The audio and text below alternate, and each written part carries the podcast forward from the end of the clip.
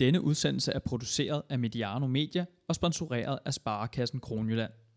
Sparekassen Kronjylland er hovedpartner på Mediano håndbold i hele 2018 og er dermed også årsagen til, at vi kan lave dette gratis medie. Velkommen til og god fornøjelse.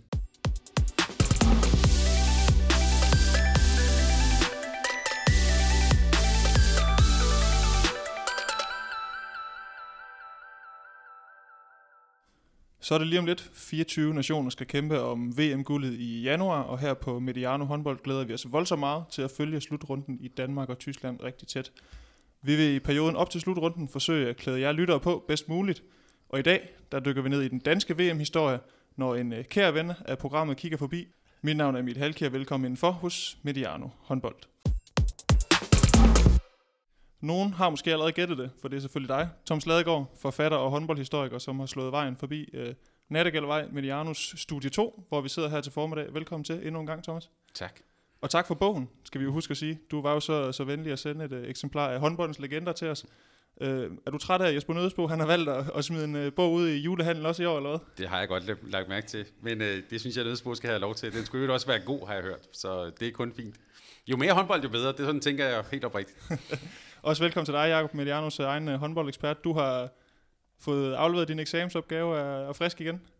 Jeg har i hvert fald fået afleveret min eksamensopgave, vil jeg sige. og du dør lidt med noget, noget snotnæse og sådan noget? Ja, jeg har lidt træthed, og ja, generelt har det halsløgn. Så det er fremragende. Ej, vi skal nok, vi prøver at holde humøret og, og fanen højt. Jamen, humøret er fint. Humøret er fint. Men uh, som jeg sagde i introduktionen, så skal vi tale om det danske herrelandshold og dets uh, VM-historie.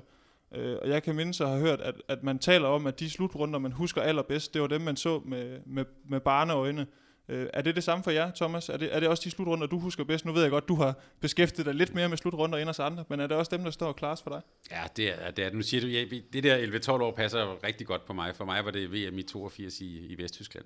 Det, det er så nogle af de der ting med de gamle boldsdrenge, det glemmer man ikke helt. Øh, jeg har godt nok siddet og nørdet mange andre slutrunder siden, men den står meget tydeligt. Og som jeg siger, lige i, i forhold til det her, der er du nok lidt uden for kategori, men, men hvad med dig, Jacob? Altså, er det også de slutrunder, der står klart for dig, eller er det bare sådan et, øh, et sort hul, øh, den der barndom i forhold til håndboldhistorien? Ja, altså nu er jeg ikke begavet med så stærk en hukommelse, så her, altså jeg husker mange kampe fra den, fra den gang, men jeg, kan ikke, jeg husker ikke sådan slutrunderne på den måde. Der vil jeg sige, der er det mere øh, de nylige, hvor det også er begyndt at gå lidt bedre for herrelandsholdet, som, som jeg husker tydeligst. Øh, ja, for eksempel den Lars Christiansen-scoring, øh, som vi også har nævnt. Og sådan. Det, det, det er nok de tydeligste minder. Fra min barndom kan jeg, kan jeg mest huske dragterne og spillerne, ikke så godt slutrunderne. Den her Lars Christiansen, det er jo der, hvor han går lidt ud af det vante skudmønster ja, ja. og knækker og skyder mellem benene på, på Fritz i målet. Er det ikke, er det ikke, husker jeg ikke helt rigtigt der, Thomas? Eller? Fuldstændig rigtigt. Jo. Okay. Semifinalen 2008.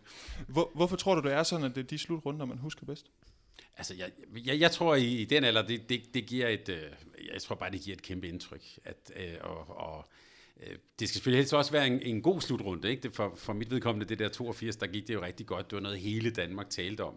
Øhm, og altså, det var selv sådan noget lørdagssatiren, lavede noget med Mogens Jeppesen og sådan. Altså, det var noget, som hele Danmark talte om. Og det, den der begejstring og det der indtryk der, det, øh, det glemmer man ikke sådan lige. Og, og jeg var også så heldig at spille i en klub, hvor nogle af de der stjerner jo faktisk var der. Øh, normalt Jens Erik Grøbstorff for eksempel. Øh, så bare se dem i levende live, det var nogle guder, der kom ind i hallen på det tidspunkt. Så, så det, var et, øh, det gav et meget stort indtryk.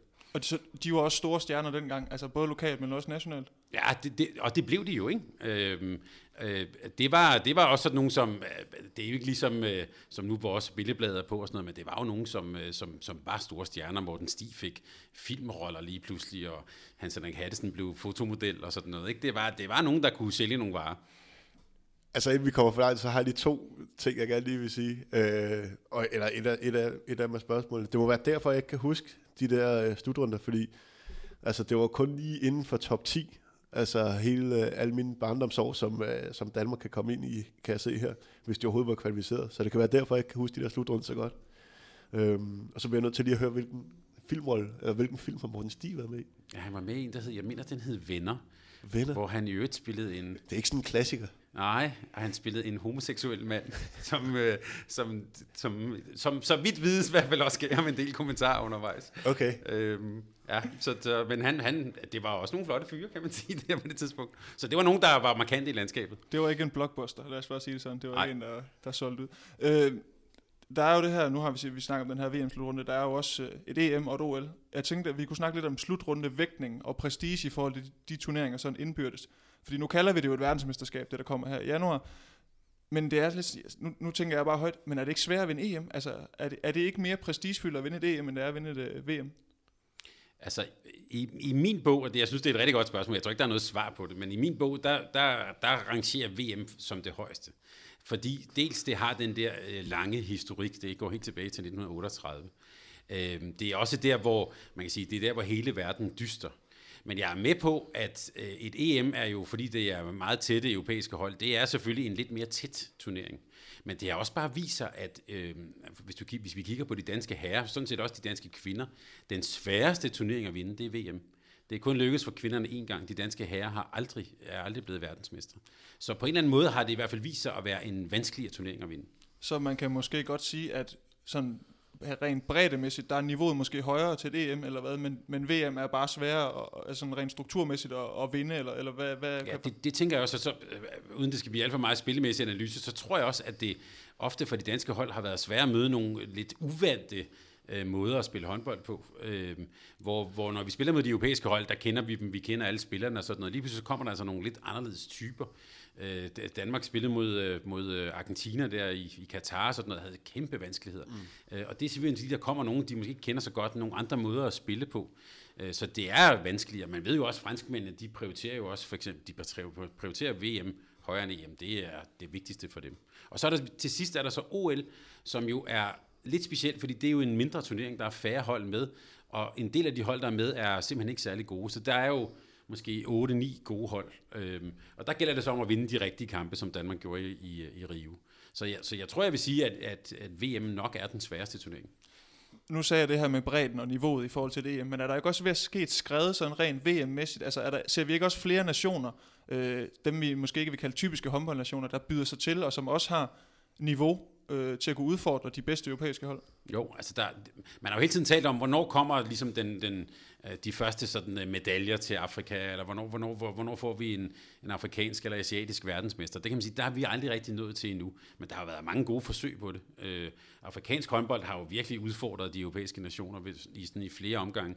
Sydkorea har også gjort det, øh, og der er jo også nogle sydamerikanske nationer, Argentina med Simone-brødrene der og sådan noget, har, altså man kan sige, de har ikke vundet, men de har i hvert fald øh, lavet masser af ravage ved, ved turneringerne. Øh, og så er selvfølgelig Katar, det kan man så sige, det er det europæiske hold måske, men, ja. men, øh, men der er der, der kommer der noget uden for Europa, som også udfordrer de europæiske nationer. Der kan man tale om nogen, Jacob, der har forsøgt at købe sig til, til medaljer, kan man ikke sige det? Jo, og det lykkedes jo også for dem. Øh, men ja, ja det er det, det, er det ikke, først, eller eneste ikke-europæiske hold, der har vundet en medalje, kan jeg se. Øh, så ja, jeg tror også, der er lang vej, før vi kommer til at se dem sådan for alvor med, med, øh, med i toppen. Men når man sidder som dig, tidligere spiller, har, har, har spillet i topklubber herhjemme, synes man så, det er lidt sjovt, når man ser sådan VM, den her udvikling, at der kommer nogle lidt andre nationer, som, som Thomas siger, som byder ind med noget lidt andet, end det vi er vant til at se? Ja, det er altid, det er altid vildt spændende at, øh, at se øh, andre bud på, hvordan man kan spille håndbold, fordi at man i Europa spil, det bliver, det bliver meget det samme. Ikke? Øh, og så, øh, ja, så er der lige pludselig Sydkorea og Brasilien, kan jeg også huske på et tidspunkt, var, mm. var fremme med, med nogle øh, spændende spillere. Øh, så det er altid vildt spændende at se, øh, og inspirerende at se, øh, se andre øh, verdensdele øh, komme frem, fordi de også typisk har nogle helt anderledes måder at gribe øh, håndboldspillet an på. Så jeg håber, der, der, ikke, der ikke går for lang tid, før vi ser en, øh, en ikke-europæisk nation øh, igen kan drille nogle af, nogle af de typiske øh, store europæiske hold. Nu er jeg sådan øh, i, en, i en dansk kontekst rent håndboldhistorisk født er så heldig at være født i starten af 90'erne. Mm. Øh, jeg er jo flasket op med et kvindelandshold først, som øh, vandt det hele, øh, vandt medaljer, øh, og derefter tog herrerne så over. Øh, og der, jeg tænker ikke, der er så mange i min alder, der, der er bevidste omkring, at det danske herrelandshold, de tilbragte jo faktisk, jeg, jeg ved ikke, om man skal sige fire årtier, Thomas, mm. i VM-mørket. Kan man godt kalde det et VM-mørke et eller andet sted? Ja, det kan man roligt, og øh, hvis man har min alder, så har der altså været mange slutrunder og mange VM-slutrunder osv., hvor, som var ikke en jammerdag, men som gjorde ondt, vil jeg næsten sige. Ikke? Øh, det var jo fra helt tilbage, hvis vi skal starte der, altså 1967, der fik de danske herrer jo det helt store øh, gennembrud, det helt store resultat med en sølvmedalje ved VM i Sverige. Og så gik der jo faktisk helt frem til det her EM, du nævnte med Lars Christiansen 2008, før Danmark, de danske herrer igen fik øh, vandt en medalje. Det blev så af guld. Øh, og det var jo ja, fire årtier, hvor det nogle gange var lige ved at næsten. Andre gange var det også, så blev vi nummer 17. Vi har, de danske herrer har sågar spillet kvalifikation for røge ned i det, der dengang hed C-gruppen. Øhm, så de, altså, hvor vi har været virkelig ude i mørket i, i, igennem mange, mange år. Og det har vel ikke været, fordi Danmark ikke var en håndboldnation på det tidspunkt, eller hvad? Nej, overhovedet ikke. Øh, og der kan man sige, der har vi simpelthen bare ikke været, været gode nok undervejs. Øh, og der var mange andre nationer, der man kan også sige på mange parametre løb, øh, løb foran os. Og hvor jeg også tror, at det der øh, VM i 67, som var jo ligesom det der ideal for dansk håndbold, det har nogle gange også måske har stået og forstyrret lidt. Altså, at det var det, man hele tiden øh, skulle forholde sig til, og, og hvor man simpelthen i mange år simpelthen ikke havde kvaliteterne til at, at kunne leve op til det. Men hvad var det egentlig, der skete der i 67? Fordi jeg, kan have, jeg var jo jeg var slet ikke født. Men, øh, men altså, de får den her sølvmedalje, og så går der de der flere årtier før, at de overhovedet er på skammen igen. Men hvad er det egentlig, der, øh, hvad, hvad er det egentlig, der sker, for at vi ikke får fyldt op på den der øh, succes? Øh, var det bare sådan en gylden overgang, der kom ud af, ud af ingenting? Ja, det, det, altså, det korte svar er ja, det var en gylden overgang. Øh, det du var, behøver ikke svare kort. Hvad? Du behøver ikke svare kort. men øh, det var det. Men den, øh, den lidt længere forklaring var, at det også gik hen og blev sådan lidt et ideal for, hvad dansk håndbold skulle, det der 67 hold. De havde en meget ung træner, han var kun 22 år, da han blev landstræner, Hans Jensen, som jo var yngre end mange af spillerne øh, som var enormt innovativ. Han øh, tog for eksempel fat på det, vi nu vil kende som video, men dengang var det så smalfilm, altså det her med at analysere de andre hold. På, han tog fat på taktisk analyse. Han turde træne på nogle andre måder. Han var træner for øh, en af de største spillere nogensinde i dansk håndbold, Jørgen Petersen. Øh, og så havde man på det her tidspunkt, der havde man jo nogle meget, meget kreative spillere, også i Aarhus KFM, mange ved, af den ældre generation vil kunne huske sådan en spiller som Jørgen Vodskov, som kunne rende rundt og handlede bag om ryggen afleveringer, mellem benene afleveringer og sådan noget. Øh, både fordi det var sjovt, men også bare fordi det var effektivt. Altså en, det var virkelig sådan en generation af danske boldkunstnere, af danske, sådan det allerbedste sådan i dansk øh, boldspil, kan man sige, man havde øh, på det her tidspunkt. Samtidig med, at de også havde det der intellektuelle overskud, altså i den taktiske analyse. Øh, og så spillede de et, sådan et meget sådan fejende, øh, flot spil, Endelig havde de måske en af de største målmænd i dansk håndbold, Erik Holst for Aarhus KFM også. Så de havde sådan hele pakken. Og det gjorde også, at, at øh, måden de vandt på, var netop ved at være klogere, hurtigere og mere kreative end de andre. Hvor østeuropæerne satte på fysik og muskler og også tog lidt de forkerte piller og sådan noget, så var danskerne kreative, hurtige øh, og sådan intellektuelt overlegne i forhold til de andre. Og det var måden, vi vandt sølvet på i 67. Og jeg tror, det var både en fejring af det, men det blev også lidt et å, det der med, at måden, som danskerne skulle være på, var på måden som 67-hold. For når man så senere hen ikke havde de spillere, øh, så virkede det jo ret beset ikke, øh, den, der, den der tilgang til spillet. Men her havde man nogle helt særlige ener. Det sjove var jo, at selvom Jørgen Petersen formentlig var verdens bedste håndboldspiller på det her tidspunkt, så var han faktisk ikke med i 67, ligesom Michael Laudrup ikke var med i 92 øh, på herreholdet. Øh, fordi der i 66 havde der været det, der hed den store drukskandale, hvor de kvalificerede sig til VM, og det fejrede man så med noget rødvin i Georgien. De havde også spillet mod Sovjet dengang. Og, og det gjorde, at DHF de så valgte at udelukke en stor del af spillerne. De blev så indlemmet tilbage. Men det ville Jørgen Petersen ikke finde sig i. Han var jo ikke udelukket, men han syntes, at forbundet var nogle idioter. Øhm, så kan man sige, der er ikke så meget, det er, der har også været meget af det siden, men det, det var der allerede dengang. Så det var faktisk uden den aller, aller største stjerne, at Danmark vandt sølv i 67. Og til dem, der skulle have glemt, hvem Vodskov var, så kan man sige, at det var også manden, der fik hummel på danske hænder, hvis nogen skulle bruge en anden uh, referenceramme i forhold til at huske ham. Ja. Øh, nu nævner du selv det her, og det, og det kan jeg også huske, nu siger du det her med et historisk å. Jeg, nu sagde jeg, at jeg ikke er så gammel, men jeg kan godt huske, at man har brugt 67 som referenceramme. Har det virkelig haft så stor en betydning for den her eftertid, altså for de her landshold, at man blev målt op mod de her 67'ere? Ja, altså det, jeg, vil, jeg, vil, jeg vil tro, at man med, med tiden, der glemte man sgu, måske nogle af spillerne og sådan noget. Øh, men det blev jo altid hævet frem, når der var optag til VM. Så så man de der øh, tv-billeder. Det var den første sådan, for alvor tv-transmitterede slutrunde øh, der fra Sverige. Og så så man de der øh, Gunnar Nuhansen og sådan ikoniske, mytiske klip næsten. Så det stod som det der ideal. Og jeg tror også, det har haft en betydning for, hvordan vi sådan gik til spillet. Nemlig, at vi behøvede ikke i Danmark at løfte så store vægte. Vi behøvede ikke at træne, ligesom man gjorde i Østeuropa. Det var sådan en betonhåndbold. Nej, vi spillede et meget mere sådan kreativt, flydende, let spil. Det tror jeg var lidt en øh, sådan sovepude, man lullede sig selv ind i. At det var ligesom måden, man skulle spille håndbold på i Danmark. Og imens så løb alle de andre lande fra os. Og, og hvis den vi, ja, ja, bare hvis vi spoler øh, tiden frem til i dag, og så lige kigger lidt over på damerne, fik jeg for- forvildet mig ind på Facebook, øh, efter, nu skal jeg lige sige, nu ved jeg ikke, hvornår den her bliver sendt ud, men Danmark har, vi optager lige efter, Danmark har tabt til Rusland, øh, hvor at, altså den, de kommentarer, der er øh, på det der nederlag inde på Facebook og Twitter og diverse medier, det, øh, altså det afspejler jo også nogle fuldstændig urealistiske forventninger til øh, landsholdet. Og det tænker jeg også kan gøre, eller også har, øh, også har øh, baggrund i, i nogle af de resultater, som vi før har leveret, selvom det er ved at være en del år siden. Ja. Øh, for der er, der er tydeligvis kæmpe, øh, og i min optik også urealistiske forventninger til, til da, det damelandshold, vi har i, vi har i øjeblikket. Øh, ja, det var bare... Øh, Nu kan, du, nu kan du måske svare fra sådan et spillersynspunkt, Jacob. Altså det her med forventninger, og det her, nu, nu fortæller du om de her kommentarspor, altså er det noget, som man som spiller, altså tynger det en, tager man det med ind på banen nogle gange, det her med, nu har du også spillet i klubber, hvor man skulle vinde også, ikke? Altså, Jo, altså jeg tror, vi har snakket om det, og jeg, folk takler det helt klart forskelligt.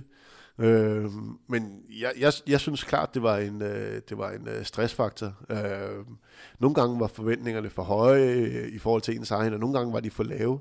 Øh, jeg, synes, jeg, synes, jeg synes, at øh, jeg, jeg håndterede det ikke specielt godt. Øh, og det ville da overraske mig, hvis der ikke var nogen øh, andre, der også har været øh, påvirket af det. Øh, også, øh, også på landsholdet, selvom de, de er vant til, at der, der er høje forventninger til dem på deres respektive klubhold. Så tror jeg da helt klart, det er noget andet også at skulle repræsentere en hel nation, når det kan, ja, når det, når det også kan gå ind på bare omkring en, noget, noget klubhåndbold. nu ved jeg godt, Thomas, at det ikke er bevisligt, men kan man godt, kan man godt frygte måske, at det her pres, der for eksempel har været efter sådan en, en medalje der i 67, at det har også, også har gjort, at man har mistet nogle medaljer et eller andet sted, fordi at, at der er blevet pumpet en eller anden stemning op omkring et landshold, som så efterfølgende har haft svært ved at indfri de her forventninger. Altså jeg vil sige, øh, øh, 67, der, der var medietrykket jo slet ikke så stort, som det er nu. Altså der var, det var nogle helte, de kom hjem, de blev fejret på god dansk maner og sådan noget. Det var, og de har blevet fejret lige siden næsten. De bliver også stadig hivet frem. Øhm, så der kan man sige, der har ikke været det der store medietryk. Men jeg tror, hvis vi spoler tiden, nu hopper jeg lidt i tiden, hvis vi spoler tiden frem til 90'ernes landshold og starten af nullerne og sådan noget, der havde det en kæmpe indflydelse. Altså, hvor, hvor, øh, hvor man kan sige, i 90'er-holdet jo øh, groft underpræsteret til nogle af de her slutrunder, men også at man med Torben Winter, der, der kan man sige, der kom vi jo tilbage, og der begynder at skabe nogle forventninger, og de, de var ikke øh, gavnlige forholdet ved VM i, i, i 2003 og 2005 der var han jo, lå han, landstræneren jo nærmest i krig med medierne og sådan noget. Og det handlede jo om det her med forventninger, og hvorfor spillede I ikke, og hvorfor er vi ikke lige så gode som sidst, og sådan noget. Der havde det en kæmpe betydning. Og der var medietrykket også blevet stort, og det moderne medietryk, vi kender nu. Hvordan har medierne sådan, øh, nu, nu, går vi lidt op i her i 90'erne, som du siger, så hvordan har medierne gået til landsholdet i de perioder, hvor det resultatmæssigt ikke er gået så godt? Altså jeg vil sige, hvis vi lige, nu tillader mig lige at spole lidt tilbage. Øh, Da Danmark kom, øh, sådan, de danske herrer kom virkelig ud i mørket, det var ved VM i 86. Og der var jo nogle år, hvor de virkelig lå og kæmpede med røven i vandskåben for at komme tilbage, spillede BVM og var ude i sådan nogle sindssyge kampe om en syvende plads, der kunne give kvalifikation videre og sådan noget. Og på det tidspunkt, der har jeg for eksempel talt med Michael Finger, som var med der. Og der sagde han, at der, var, der synes han, at medierne var, de var næsten alt for søde. Altså, øh, det var fordi, at de her journalister, der rejste med landsholdet, det, de, de lå jo også dem lige så tæt ved hjertet, som det gjorde spillerne. Så der, de fik en helt fantastisk modtagelse, da de vandt en eller anden kamp om at undgå C-gruppen mod Vesttyskland. Der blev de fejret, som om de havde vundet VM og sådan noget. Der var medierne meget, meget søde. Det, det var de en lang overgang, og, og man skal også huske, at selvom nogen vil synes, at medierne er kritiske, så vil alle vil jo gerne, at det danske hold skal klare sig rigtig, rigtig godt. Øh, Så på det tidspunkt, der har de nok været virkelig sådan hjulpet det lidt på vej, ikke givet for, for hårde karakterer. Men man kan sige senere hen, hvor, hvor der måske også var øh, nogle spillemæssige forventninger til det danske hold, der har der, der, der, har der formentlig været gået mere til den. Det er også blevet lidt mere kritisk øh, medietryk, der er kommet. Og så hele det her SoMe, hele det sociale mediedel, Øhm, altså det passer jo ikke, at man, de bare ikke læser aviser, ikke ser net og ikke er på sociale medier. Selvfølgelig er spillerne det, og trænerne det, og det giver tryk ind på banen også. Hvor meget går det spillere på, Jacob, det her med sociale medier? Øh, både jeg tænker i forhold til dig selv øh, i dine øh, år som, som spiller, men også dine holdkammerater. Altså snakkede man om det? Det her pres, og også nogle af de landsholdsspillere, du har spillet sammen med? Nej, jeg vil starte med at sige, generelt så var det meget, meget lidt, hvis ikke ingenting, der blev snakket sådan om pres. Øh, og det var også en ting, vi har vendt et par gange, det her med, øh, jeg tror, det, det er noget, der er ved at vende, det der med at anerkende, at man også har brug for noget, øh, brug for noget men, mental hjælp. Øh, men men vi, snakkede ikke, vi snakkede ikke særlig meget om det. Øh, men jeg kunne da forestille mig, at, øh, øhm, Altså, det var ikke så meget, der blev skrevet mig på de sociale medier, kan jeg godt afsløre. Men, øh, men, men jeg tror, det er en anden virkelighed for mange af dem, der render og, og spiller, på, øh, spiller på landsholdet, øh, som rigtig mange har en mening om. Øh, man kan selvfølgelig prøve at styre udenom det, men, men, men altså, det er ikke rar læsning øh, for en... Nu er jeg ret sikker på, at en sang kan, kan klare det, men, men for en Claus Brun at gå ind og kigge på et kommentatorspor efter, øh, efter et nederlag mod en øh, virkelig, virkelig stærk nation, øh, hvor at øh, folk kræver ham, øh, kræver ham fyret, og de vil have gjort sådan og sådan, og vi skal have en svensk, og vi skal have en nordmand. Øh, alle, de der, øh, alle de der ting, som, som øh, ja, ja, alle har bare lige pludselig et talrør, og man er, altså, det har jo forbundet os øh, ekstremt tæt, øh, de sociale medier. Øh, så, øh, så, så det er ret nemt for Claus at komme ind og, ind og læse. Nu, tager, nu bruger jeg bare ham som eksempel, fordi det var, det var lige det, det, det spor, jeg var inde på i går. Der vil jeg sige, der skal man være, der skal man være ret hårdhud, hvis man skal sidde og læse øh, 100 kommentarer igennem, hvor man bare får at vide, hvor ringe man er. Fordi man har tabt til et øh, virkelig, virkelig godt hold. Mm. Man kan også sige, altså nu, øh, nu har vi jo VM på hjemmebane her. Nikolaj Jarvsen på herresiden, herretræneren. Jeg, jeg, jeg kan ikke mindes en landstræner, der nærmest er blevet omfavnet, sådan som han er blevet jeg vil næsten bruge ordet elsket af offentligheden. Ikke? Alle elsker Nikolaj Jarvsen. Men nu skal han altså også præstere.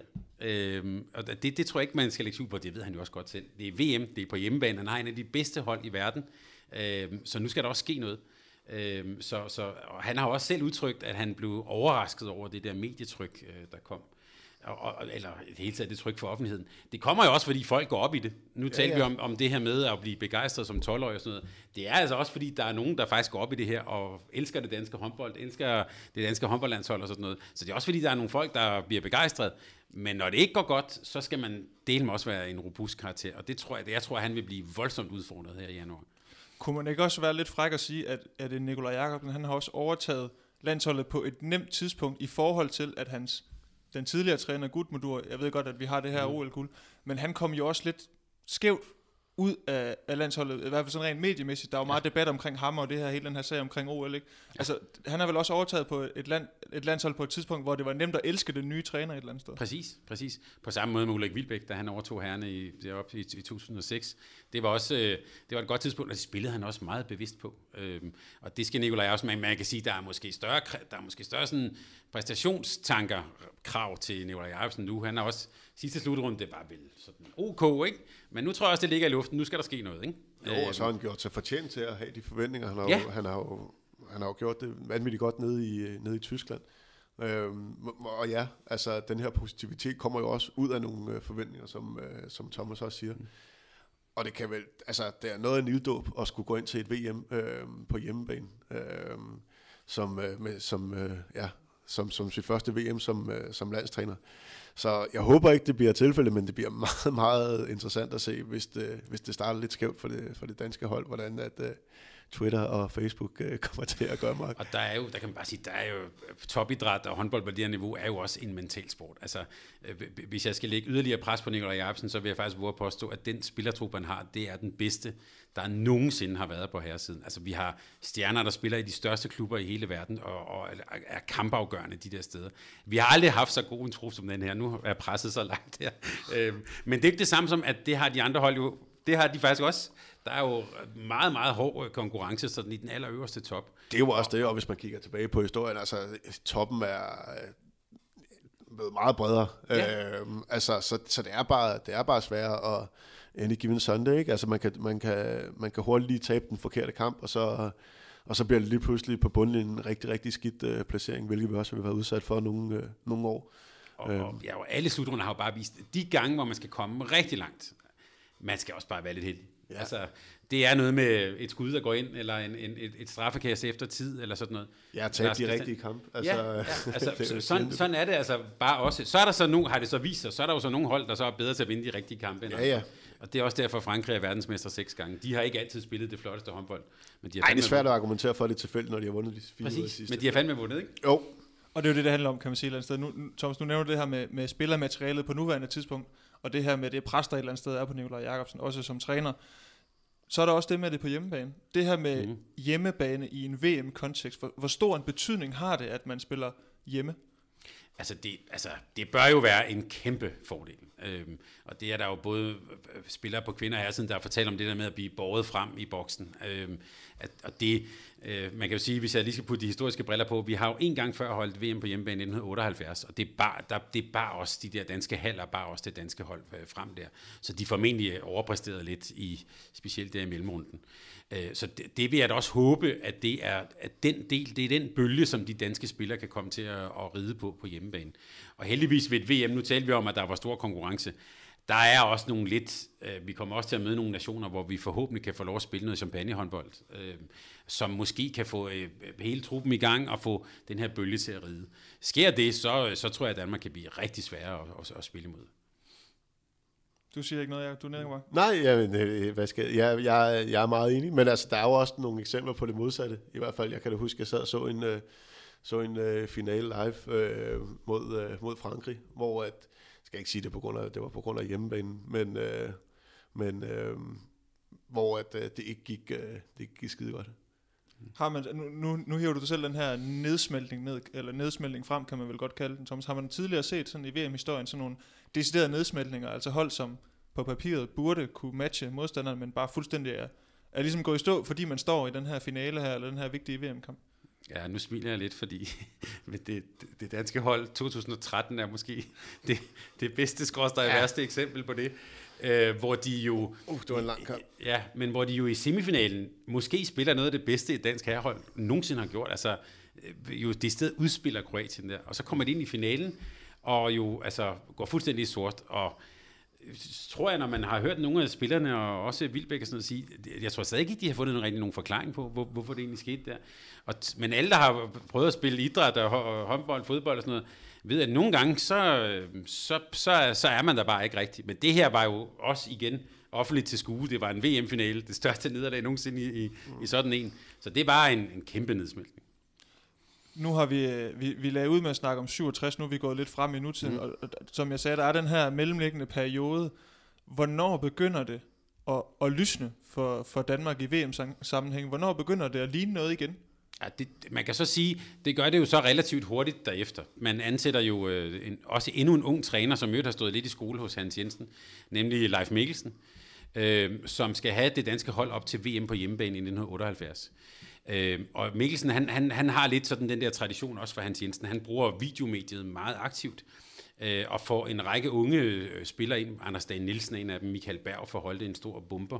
Øh, bygger på nogle af de her fra Fredericia KFM, Måns Jeppesen på mål. Altså det, det var faktisk et hold, der jo var i Champions League-finalen i 75, så vi, der har vi faktisk også et godt hold. Thor Munke er verdens bedste stregspiller på det tidspunkt.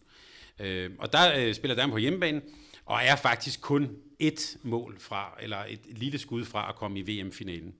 Øh, det ender med en af de der utallige fjerdepladser, som de danske her har rigtig, rigtig mange af. De kollapser lidt i bronzekampen mod øh, DDR. Men der er vi faktisk oppe i verdenstoppen. Øhm, og det fortsætter jo så i VM 82, hvor, hvor Mikkelsen tager en række nye unge spillere med. Jens Grøftorp har jeg nævnt, Erik Vej Rasmussen, Hans Henrik Hattesen, øh, Per Skårup, Morten Stig Christensen og sådan nogle er med der, Carsten Havrum. Øh, et, et helt nyt ungt hold, som jo øh, tror jeg godt, man kan sige, fuldstændig overpræsterer ved det der VM. Altså, de burde ikke komme så langt, men det ender faktisk med, at de, øh, de vinder over Jugoslavien i en, en fantastisk kamp, og, øh, og er igen et sølvemål fra en VM-finale, hvor de fører med to mål til sidst mod Ungarn, og så hopper den store stjerne for Ungarn, Peter Kovacs, op og scorer to gange, så de ikke, lige præcis ikke kommer i VM-finalen og så kollapser de igen i bronzekampen, og så det bliver så endnu, til endnu en fjerde øh, plads. Så der har vi sådan set to fjerdepladser, vi er med, men jeg tror også, det er et hold, som lidt overpræsterer på det tidspunkt. Og det viser sig så senere igennem 80'erne.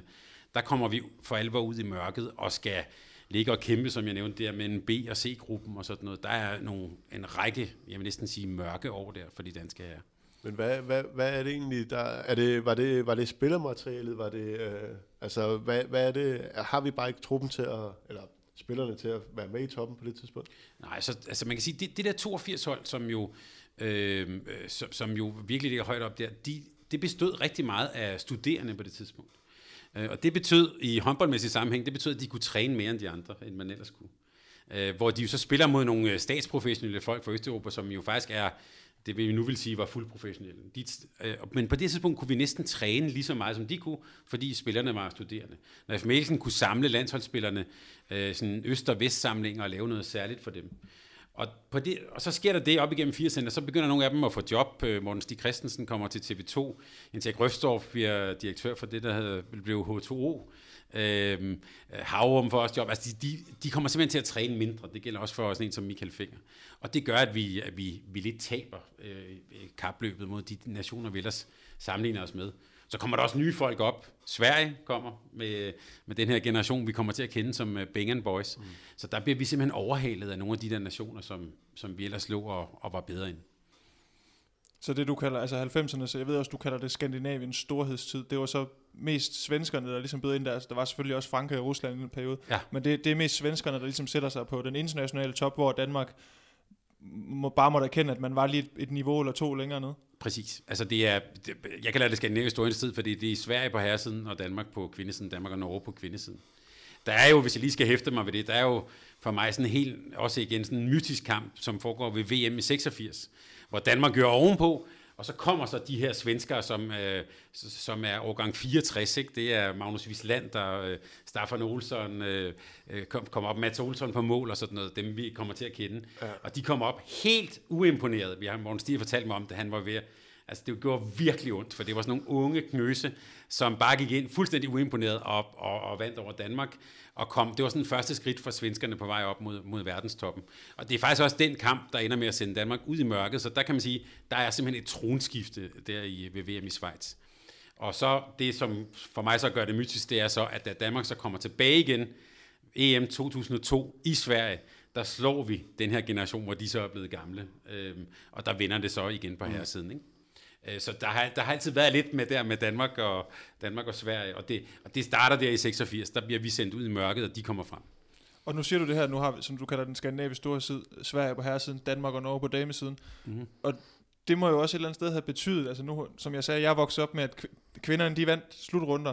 Det må vel også have, nu snakker om det her historiens tunge år fra 67, ikke? det må vel også have været hårdt for herrelandsholdet i den periode, fordi man havde et kvindelandshold, der var så succesfuldt. Det har, det har været meget hårdt. Altså, det var, det, dengang lavede man jo også tit sådan nogle dobbeltstævner, spillede kampe mod Sverige, ligesom det var datidens Golden liga. altså, det var sådan, øh, altid sådan et højdepunkt, at man spillede. Og der spillede damerne jo altid forkamp til herrerne. Og der kom aldrig nogen og så damerne spille og sådan noget. Og pludselig så vendte det. Der var det altså herrene, der, var, øh, der, der spillede, om man så må sige, spillede anden violin. Det tror jeg har gjort det rigtig ondt på selvforståelsen. Øh, at, at det var sådan. Det var helt naturligt. Den store opmærksomhed var selvfølgelig på kvinderne. Men at herrene sådan i den grad var nogen, man ja, okay, så kan vi da godt gå ind og se dem, hvis det skal være som forkamp, ikke? men det var ikke noget, der, det var ikke noget, der er sådan rigtig interesseret nogen på den måde. Og jeg vil næsten også være så hård at sige med rette, fordi de leverede heller ikke det, som, som, som kvinderne gjorde i den periode. Hvad, hvad kendetegner det danske herrelandshold i den her periode, også øh, altså sådan slut, slutrundemæssigt?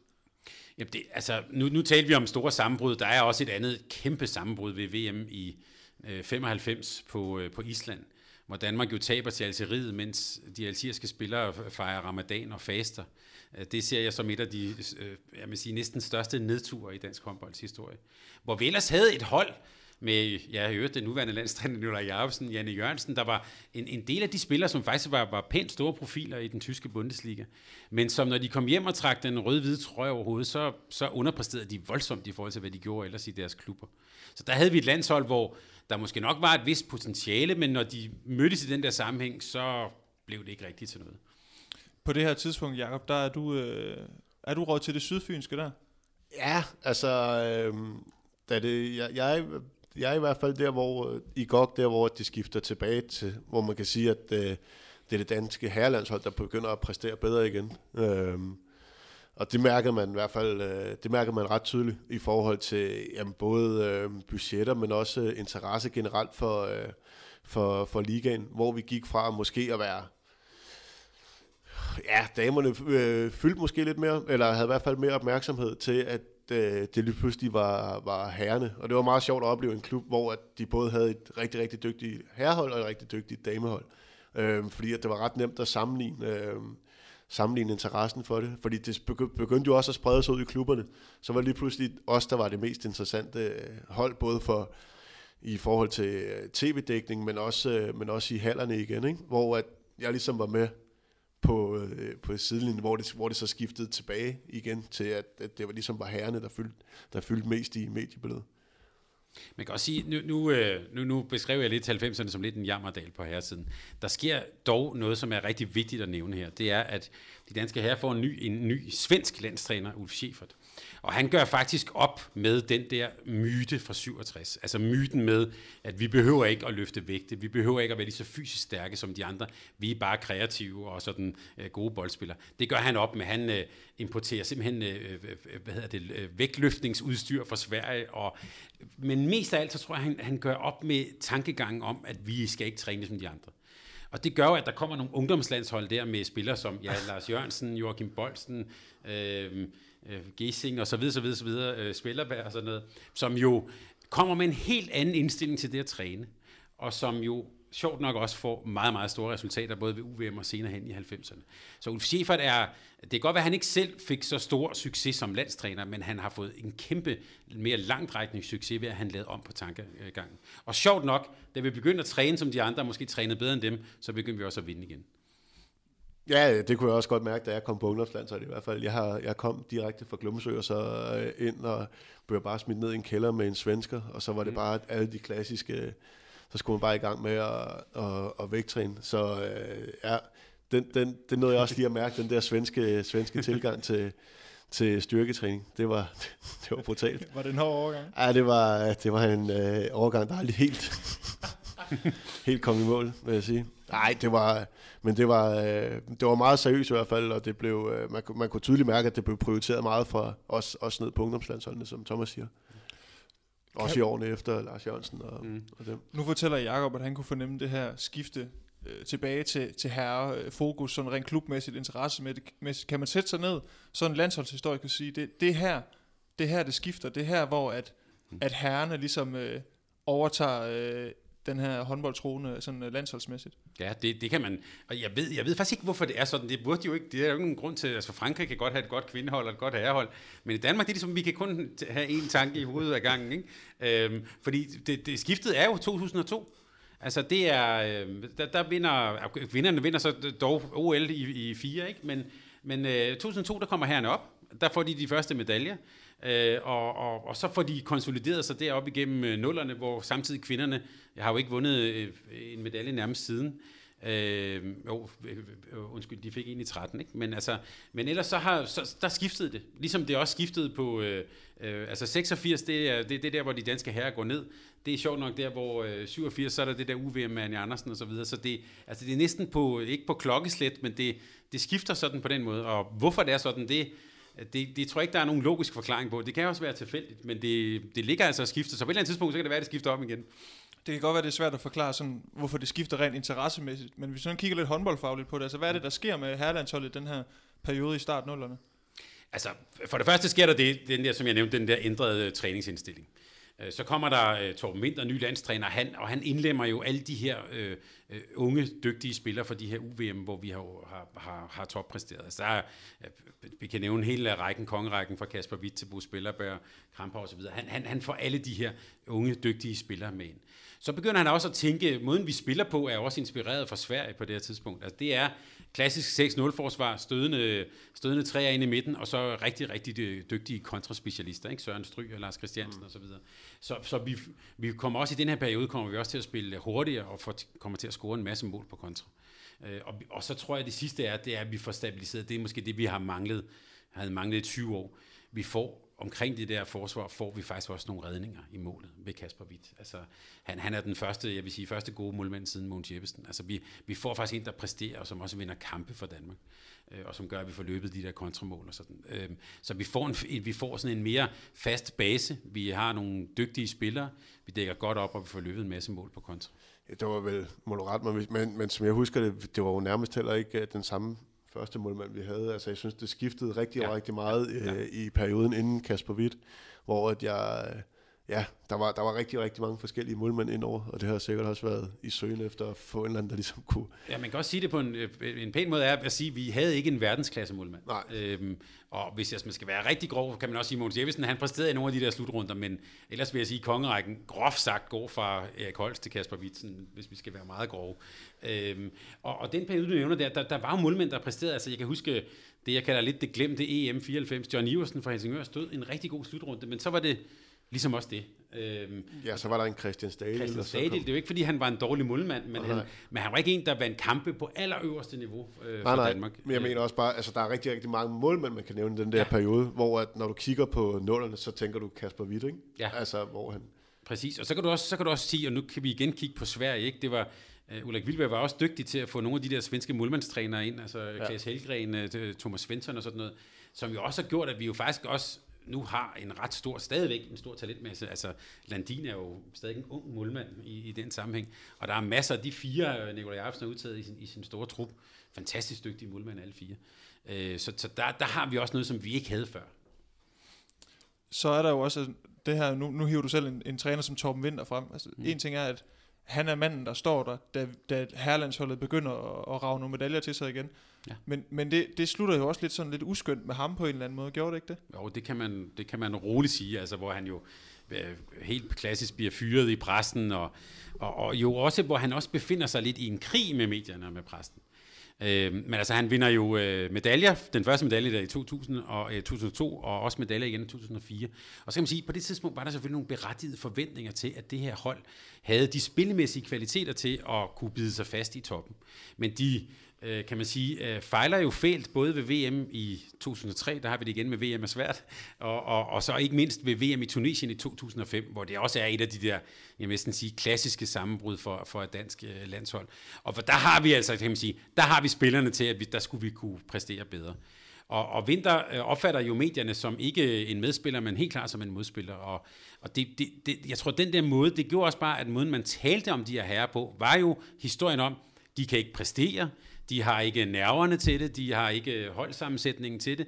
Lars Christiansen fik jo helt, jeg ved ikke hvor meget skidt efter sig med, at jamen, han kunne sagtens score og blive topscorer i Bundesligaen og score 14 mål, men når han satte den røde-hvide trøje på, så kan han ingenting. Og sådan. Det var jo måden, man talte om det på. Øhm, så, så kan man sige, da, da, og det, det gør så øh, Vilbæk, eller undskyld, at Vinter bliver fyret. Han har måske også gjort sig uvenner med en masse mennesker og sådan noget. Og så kommer Ulrik Vilbæk til, og hans opgave er ikke at få dem til at spille anderledes håndbold. Hans opgave er at få dem til at tænke anderledes. Mm. Og, få, og få historien om landsholdet til at blive anderledes. Og der udfordrer han dem jo også op til øh, EM i 08 og siger, nu skal vi gå op, nu skal vi vinde guld. Det, det, det, det tror jeg ikke. Det var lidt en chokmelding, tror jeg, for nogen, som ellers tænkte, ah, bare vi ikke bliver nummer 8, og hvis vi kan få en bronze, er det også rigtig flot og sådan noget. Det der med at løfte dem helt op, det var, synes jeg, var Vilbæks geni. Er det første gang, man sådan har set en landstræner gå ud og, og melde sig offensivt ud, altså på, på dansk herrelandsholds vegne? Ja, han gør det samme med kvinderne jo, men, men på, på herresiden, ja. Altså, jeg, jeg tror nok, Ulf Schäfer den gang har sagt, at vi skulle vinde øh, VM-guld i 97 i Japan. Der blev Danmark ikke engang kvalificeret. Men, men, øh, men, men, jeg, altså, men, men jeg tror, for Vilbæk var det ikke så meget ud til offentligheden. Det var også internt til holdet. Altså, at, at prøve at skubbe dem, prøve at rykke dem.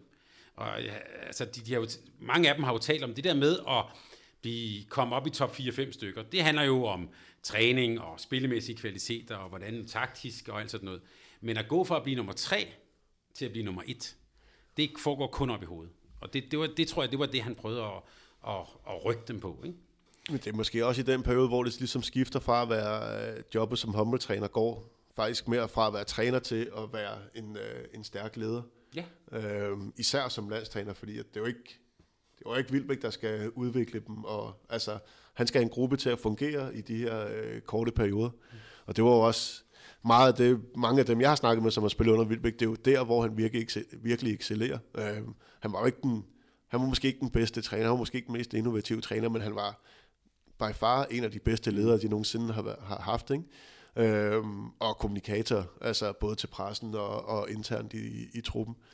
Ja, der gik jo mange historier sådan i håndboldmødet, dem har jeg også selv hørt, at jamen han, altså det der med, han har ikke selv spillet på topniveau, han var bare en træspringer, og uh, han har ikke forstand på håndbold og sådan noget. Men jeg tror, du har en rigtig god pointe, når man er oppe på det niveau, så han skal jo ikke lære at kaste med grib. Han kan jo ikke stille sig ind og sige, sådan her skal du holde din arm, eller sådan her laver du en skruebold. Det vil de bare grine af. Der er også en historie om, at han op til det der EM i 08 havde holdt lange foredrag over for Kasper Witt om, hvordan han skulle stå på, på fløjen. Og som Witt jo angiveligt altså, var ved at kaste op over. De fik også en Det kunne jeg forestille mig, at det ikke var så brutalt i år for. Men, men jeg, tror, jeg tror, at Vilbæk, han, jeg tror, han har været klog nok til at simpelthen bare at provokere ham.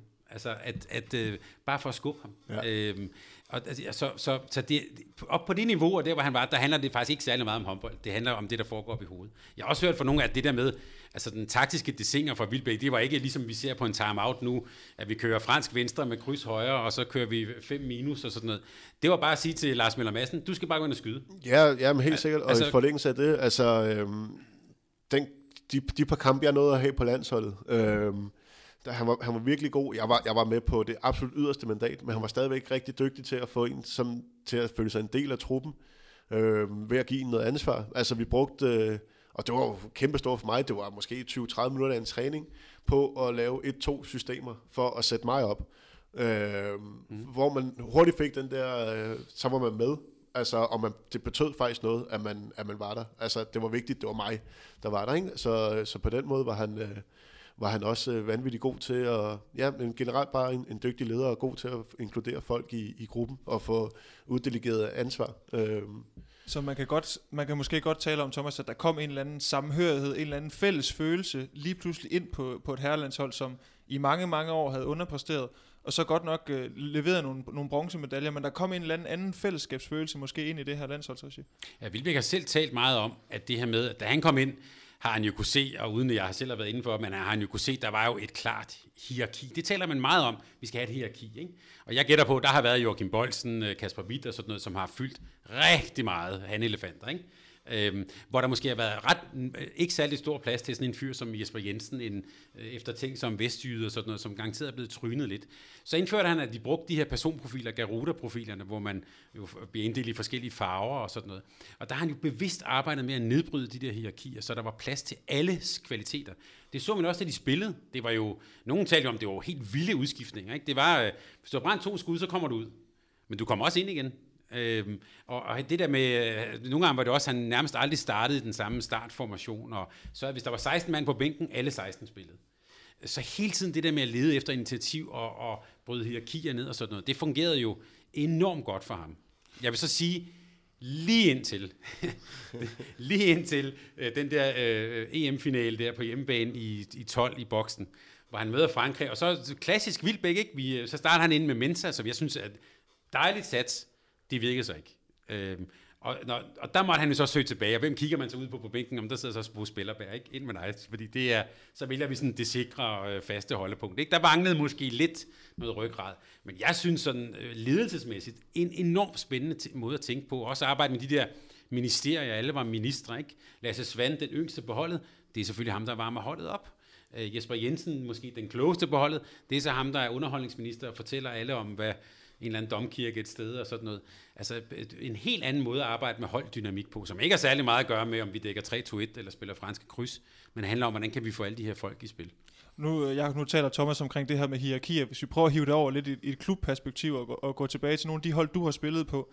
Er det de hold, der har fungeret godt, har det også været der, hvor man har haft en klar hakkeorden, hvor man har vidst, hvem der har hvilke roller? Altså, det kunne være i AG, det kunne være i GOG, eller altså, spiller det her hierarki en stor rolle i det her nu? Vi har også snakket om det i liga-regi med Ribe Esbjerg, det her med at finde ud af, hvem, hvem, er, hvem er sheriff her i byen, ikke? Jo, ja, altså jeg ved ikke, øh, jeg synes, jeg synes det vigtige, vigtige egentlig er, at øh, altså, det betyder egentlig ikke så meget, øh, man, man, et eller andet sted ved man jo godt, hvem det er, der, øh, der tager skuden og sådan noget, men hele den her gruppedynamik er ekstremt vigtig i forhold til, at alle skal føle sig inkluderet. Øh, nu har jeg lige siddet og skrevet en opgave om de der gruppedynamikker, der findes sådan generelt også ude i, ude i erhvervslivet. Men det her, hvor at, øh, man, når man når dertil, hvor man faktisk har nedbrudt hierarkiet. Altså, selvfølgelig er der stadigvæk mm. nogen, der er, er bedre i nogle situationer end andre, men også øh, ude for banen, at alle ligesom føler sig, ligesom, som jeg også nævnte med Vilbæk, som han var, var, var dygtig til. Altså, at folk øh, altså, fø- fø- føler, sig, føler sig vigtige, og ikke føler sig trynet. Altså, men, men, men føler, man har, man har frihed til at, at udfylde den rolle, som man nu er, som man nu er sat til at, at udføre af, af træneren, og at der, og at der er plads til en. Øhm, så ja, altså, øh, det kommer også an på, i hvilken kontekst man ligesom snakker, snakker det der hierarki. Men, men grundlæggende skal der jo være, skal der være plads til alle. Det, det, det, det, det giver måske sig selv, men, men, men jeg kunne også godt frygte lidt, at det har, mm. det har været sådan meget karikeret på et tidspunkt på, øh, på landsholdet, fordi der var altså nogle alfahandler på det der, på det der hold, og der kunne jeg også godt forestille mig, at der var nogen, der havde lidt svært ved lige at gå ind for dag et, og så bare, øh, og så bare sætte, sig, øh, sætte sig igennem. Ja, det er i hvert fald offentligt kendt ved, ved det der VM i Ægypten i 99, hvor, hvor Danmark jo også underpresterer voldsomt, så der var der jo sådan tre lejre, og Claus Brun Jørgensen har også senere hen fortalt, at han meldte fra til landsholdet, fordi der var sådan, øh, de professionelle fra Tyskland, de, øh, de havde en, og så var det de unge, der var på vej frem efter de her UVM'er, mm. de havde sådan en anden, og, altså, hvor, hvor holdet overhovedet ikke hang sammen. Øh, og måske også i virkeligheden heller ikke havde respekt for hinanden. Det kan man sige, det er jo også en del af det, man lærer, det er jo at have respekt for forskellighed. Altså, jeg kan bidrage med noget, Emil de bidrager med noget, vi kan alle sammen bidrage med noget forskelligt, men også vide, hvad er det så, de for enkelt kan, kan byde ind med. Ja, og så sådan en situation, hvor de måske er presset, så bliver det nok øh, endnu sværere at, øh, at få det der til at fungere, hvis ikke man, ja. hvis man allerede er, er delt op, øh, og ligesom har lidt sin... Øh, ja, der er det der øh, hierarki, eller i hvert fald gruppedelinger på, på et hold. Det bliver jo tydeligt, øh, endnu mere tydeligt, når man, er, når man er presset, kan man sige. Nu tog vi et, øh, et stort skridt ind i den succesfulde del af, af Herlands holds historie, men øh, der, er, der er en bestemt slutrunde, vi er nødt til lige at vende tilbage til, som øh, det er, nu taler vi om det her med at kunne huske slutrunder for ens mm. barndom. Det er i hvert fald en, der står meget tydeligt for mig. Det her VM i 2005 i Tunesien, hvor øh, det ender med en 13. plads. Ja. Øh, jeg, jeg husker, øh, at der var ramaskrig, og man tænkte, hvad foregår der? Nu har man lige øh, vundet bronze to, år, mm. to gange i træk ved EM. Øh, Thomas, var det, og, og man taber til Tunesien og dækker det her 3-3-forsvar, det her, ja. hvor man heller ikke vant til at spille over for. Nu har vi snakket om det her med, med forskellige spiltyper. Altså, hvad skete der lige? Følte man, at nu gik det lige så godt, og så tog vi ellers bare et kæmpe skridt tilbage det her den her VM-elendighed og det her mørke. Mm. Ja, altså, ret præcis, ja, det, det var sådan, det var. Altså, man havde, nu havde man en tanke om, okay, vi er endelig tilbage og så får man bare en ordentlig gok i nøden der. Og, og man, da man sad og så også den der kamp mod Tunesien, det kan jeg faktisk tydeligt huske fornemmelsen af det, det var også en fornemmelse af, at de øh, altså, er kollapset. Altså, at det var sådan, øh, det var ikke bare det her med, at vi blev udfordret, men vi blev simpelthen også bare udfordret op i hovedet. Man kan så også sige, at tuneserne var jo sindssygt gode til at stresse de danske spillere. Det var noget, de ikke var vant til at møde. Det, øh, og man kan også sige, måske, øh, uden det skal være for meget taktisk analyse, måske var det heller ikke super klogt måden, vi spillede det på. Altså ved at hele tiden at løbe ind i hovederne på. Kroaterne viste bagefter det, selvfølgelig på Jugo-måden, de løb bare forbi dem. Men danskerne løb ind og fik tæv hele tiden. Og hele tiden stod ind i den der mur der, og, og ham, hvad hedder han, Taste der, som, ja. også, altså, som vi som også fik lov at uddele Altså, det var jo ren vold, det der, han rendte og lavede i, i 2005. Men altså, de knækkede os både fysisk og mentalt i den der slutrunde, så det var virkelig et, et gok i nøden. Og som jeg nævnte også, altså sådan et sted, hvor Lars Christiansen jo altså, øh, også brændte sammen, ikke? brændte straffekast og sådan. Øh, det, det var virkelig en nedtur, der var, der var til at tage føle på. Det var også nogle onde fyre. Og ja, så var der Cuba. Øh, altså nu har vi snakket meget om de, der, de her danske, hvad har de, to-tre øh, nederlag, som står rimelig klart i hukommelsen. Ja, Cuba mod. også. Ja. Ja. ja. Men hvad, er der andre eksempler på øh, ikke-europæiske hold, der ligesom har været afgørende for, måske ikke Danmark, men nogle andre nationer? Det kan ja. godt være, at jeg fanger lidt på et... Uh, ja, ja. bare til at tænke på det. ja, men Cuba 99, det, det er, den kandiderer også. Jeg vil sige, altså Cuba 99, øh, Algeriet 95, der, og så selvfølgelig Tunesien øh, 2005. Det, det er nogle af dem der, hvor vi har mødt og virkelig har, har, har brændt sammen. Øh, ellers vil jeg sige, øh, et, et, et hold, som jo virkelig har havde en stor betydning, det var jo Ægypten 2001.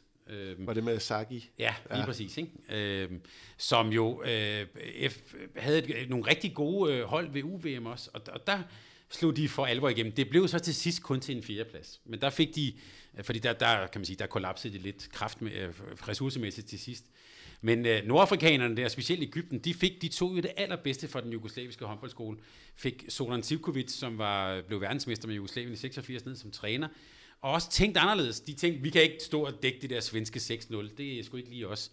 Så de var ude at dække alt muligt jugoslavisk 5-1 og 3-2-1 og sådan noget. Stress i de andre hold, og så havde de en masse individualister, hvor jeg synes jo, Hussein Saki var den bedste ja. af dem. Ikke? Øhm, så, og der var, kan man sige, der var de meget tæt på, og, og, og nærmest at gå hele vejen. Ikke? Men, men hvor de virkelig overraskede nogle af de europæiske nationer. Ja, men de er desværre heller ikke rigtig blevet etableret som sådan et... Øh, øh, det kunne være sjovt, hvis der snart kom... Det er sådan lidt forskelligt, hvad der lige popper op rundt omkring i verden. Men det kunne være spændende, hvis der snart kom et hold, der ligesom eller en nation, der ligesom fik etableret sig. Ja, også hvem- for at få bredt lidt ud. Ja, hvem, jeg hvem er egentlig tænker- den bedste bejler til det lige nu, sådan rent øh, VM-mæssigt, og, det, og selvfølgelig også OL-mæssigt, men altså, hvem, hvem, hvem snakker man om? Nu kigger jeg mere over mod Thomas, end jeg kigger over mod dig, Jacob. Du Ja, sidder- Thomas sidder og kigger på mig. ja, men det ved jeg ikke. Øh, det, Ej, jeg- det, det, det, det er jeg- svært at sige. Ja, jeg tror svaret er, jeg tror ikke, der er en oplagt bejler. Altså, øh, jeg tror, vi har været mange, der har været sindssygt glade for at se Simone for, øh, for Argentina. Ja, der er jo nogle profiler rundt omkring, men sådan som hold, Ja, altså, og du, som du også nævnte, Brasilien havde jo også en vis satsning op der til, til OL på hjemmebane og sådan noget. Men jeg, altså, der er, jeg synes ikke, der er nogen, der er lige i horisonten, hvor man tænker, der, der kommer nogle gode. Man kunne også håbe på, at Japan måske havde en satsning på deres herrer frem til mm. OL og sådan noget. Men nogen, der virkelig ville kunne bide skære, også i en lang turnering som VM, det, dem har jeg svært ved at se for mig.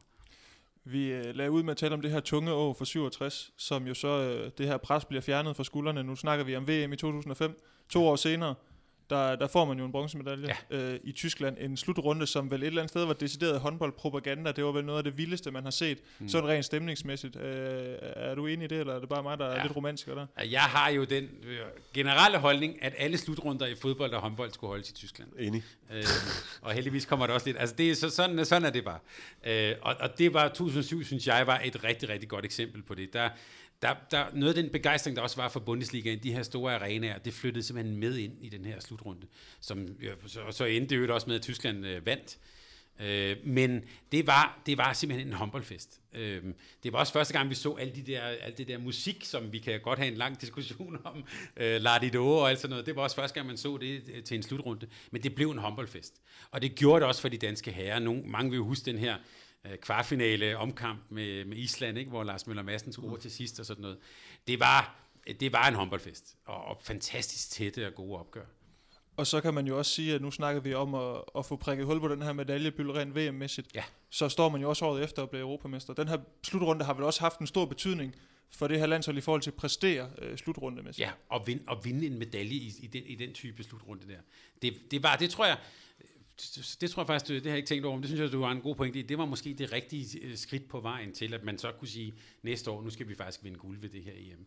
Øhm, så, så det var et rigtig godt skridt på vejen, og de spillede jo også altså sindssygt godt håndbold. Her havde de jo også både i 7 og 8 fantastisk godt forsvar. Og vi skal bare huske, det kan jeg stadig vågne op med en gang imellem, altså Michael Vig Knudsen i semi mod Polen er han jo helt fri, og det er sådan en skud, han scorer på 9 ud af 10 gange, ikke? hvor vi kan komme foran med to, så havde vi været i finalen.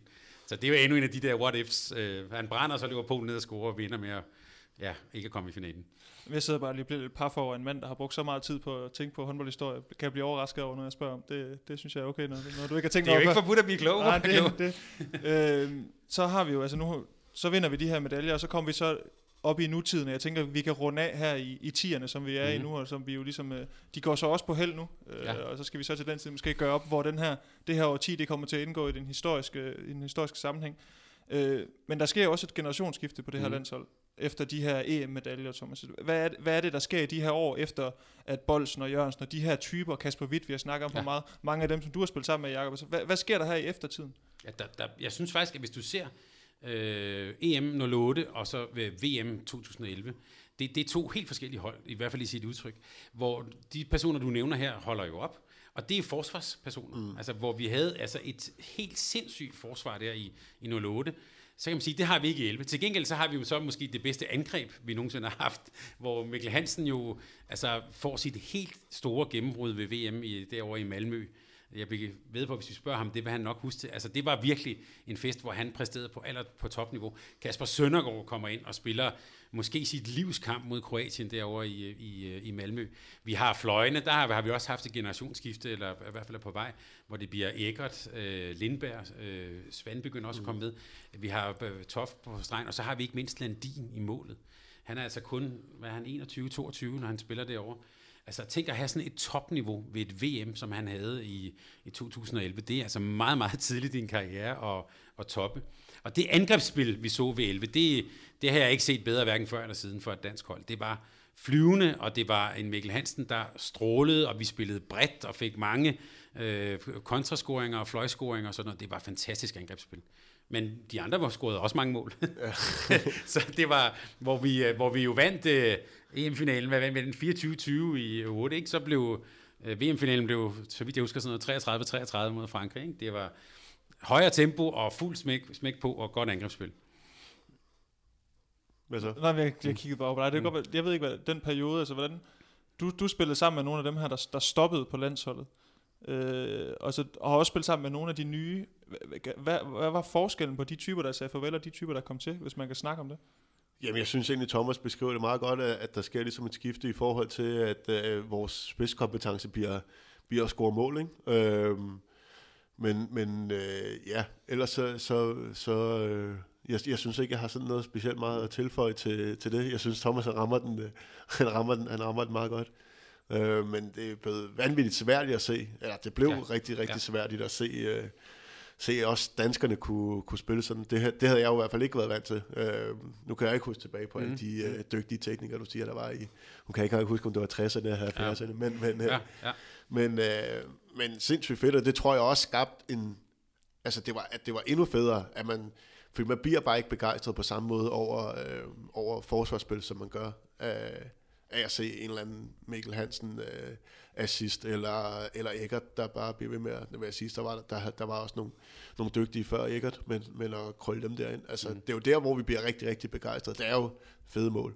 Altså, Øh, den der- Flot angrebsspil. Ja, den der semifinal mod, øh, mod Spanien i Christianstad, der flytter de jo fra Malmø op til Christianstad, den nye arena der, og spiller mod Spanien, hvor øh, Mikkel Hansen jo skal åbenbart bevise, at det, de tog fejl af ham nede i Spanien, ikke? hvor ja. Spiller en forfærdelig første halvleg, hvor alt for sådan alt for meget sådan vilje bagved, og så brænder han bare en anden halvleg af, som er altså himmelsk simpelthen. Ikke? Ja, ja. Øhm, og, og hvor, altså, hvor det hele det der angrebsspil fungerer, fløjene præsterer, det er også der, hvor Lindberg til sidst laver den der, det der skud hen over hovedet på, øh, har det været Sterbik, eller øh, det kan jeg ikke lige huske, hvem der har stået der, som Spanierne er åbenbart et sted, hvor de vil, Det var de ikke så glade for. Og hvor de ville give ind på frakken, hvor de synes, det var sådan, var, men altså virkelig sådan et, nærmest en drømmeangrebsspil, som de spillede der. Ja.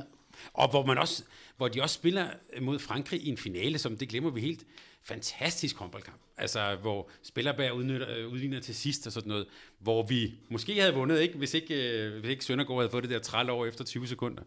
Øhm, fantastisk håndbold, øh, og lige over på den anden side af sundet her. Så det, var, det, det er lidt sådan en, lidt en drømmeslutrunde for de danske herrer, sådan som jeg ser det. Og hvor svenskerne sad og råbte hans majestat op på øh, Ja. tribunerne, hvis Ja, jeg ikke ja. husker helt forkert.